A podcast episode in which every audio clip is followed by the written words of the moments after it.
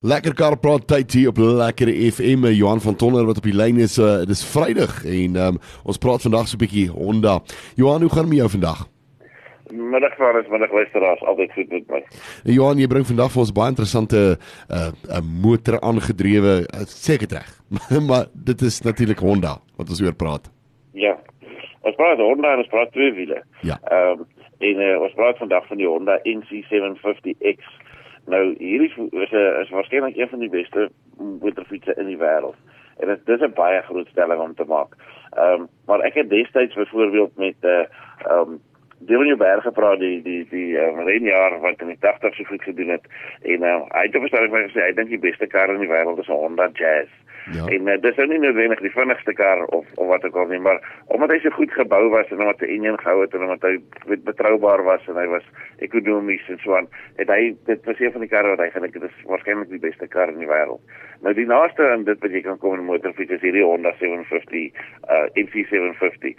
En uh, die mense skerp so uit 'n halwe Honda Jazz engine in want dit is 'n parallel tweesilinder Ehm um, maar hierdie is nou 'n 'n motorfiets wat bitter bitter goed gebou is, wat bitter maklik ry, wat bitter lig op petrol is, wat bitter goed geprys is en uh, wat vir jou waarskynlik 10 of 20 jaar sal hou sonder probleme en vir jou rond sal vervoer in die dorp wat op bittermin petrol.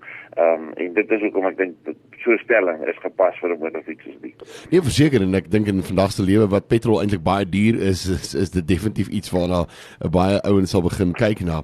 Maar as mense kyk na spesifikasie gewys en mense kyk na die uh, ander motorfietsse in sy segment wat hy nou uh, weet sal teenstaan, waar waar kyk 'n mens? Jong, hierdie is is amper 'n motorfiets half in 'n in 'n mismark.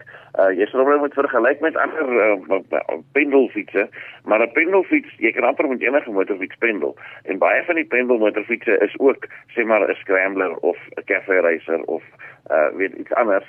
Um, ja. en hierdie ja, Honda het natuurlik so effens 'n uh, avontuur met 'n fietsdelering, maar hy is 'n pendelfiets by uitstek. So wat belangrik is is dat jy moet gemaklik sit, jy moet reg regop sit, dis hoekom hy so avontuur stelering het. En hy moet ligwees op op op petrol, jy weet, in 'n hierdie spesifieke motorfiets gebruik so minstens 3.1 of 3.2 liter per 100 km.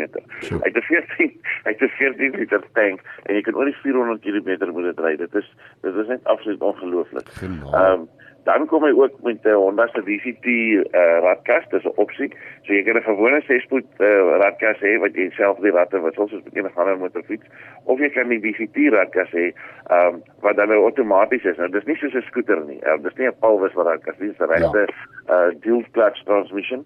Ehm um, en ek moet vir jou sê as jy op die motorfiets ry, dis ongelooflik want as jy eers 'n keer op so 'n motorfiets klim en jy sien daar's nie 'n rad hê bo nie, daar's nie 'n clutch nie dan ek het nie gesê wonder hoe kan wegtrek nie. Ek het gewonder hoe gaan ek stop want as jy as jy nie 'n klats het, hoe moet jy stop? Ja. Maar dis ongelooflik want jy sou dink as jy ry dan gaan jy die impuls kry en 'n klats het reg om op te raad of af te raad, maar die ding is so progressief, hy's so goed geprogrammeer dat voor jy nog daai impuls kry om die, om die klats te trek, dan het hy reeds op of af geraak. Dit is 'n uh, dis 'n ongelooflike ervaring om so iets te ry. So so so het hy al hierdie tipe van dinge ingebou wat hy dan nou maak dat hy self breek. Hmm. Ja, dit is 'n nee nee, ek dink self jy sou self moet rem natuurlik, well, maar okay. um, maar uh, jy kan hom natuurlik nou ook stel. Uh so jy het verskillende modes, jy het 'n gewone jy het 'n user mode wat self kan opstel mm. as jy wil hê. En dan jy nou 'n standaard modus, 'n reën modus en 'n en 'n sport modus. Okay. En dan Mm. Verskil weet hy hy rat af in die verskillende modusse, dit is verskillende karakters. So jy kom aan na die Stokstraat toe ja. en hy rat af deur die ratte en hy rem met ander woorde deur die ratte tot jy tot so 'n kom basies net met jou op die einde met jou voorrem of jou agterrem. Ehm um, dit is, is verskriklik maklik om te ry. Die ander interessante ding van hierdie motorfiets is daar waar die petrol tank sit gewoonlik. Ja.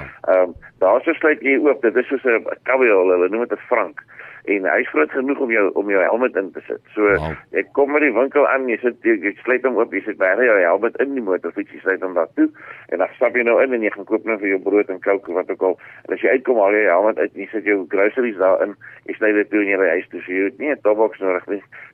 Ja. Dit is net like as jy pitas aflewer nie. Dit is 'n dis 'n verskriklike gebruikersvriendelike motorfiets. Lekker lae saal, 800 mm, uh, selfkort mense kan op hom sit en hulle voete plat op die grond sit. Ja. Ja. Hy ry maklik, ehm um, regtig 'n besondere motorfiets. En as mense die prys gewys kyk na hierdie motorfiets, waarna kyk 'n mens?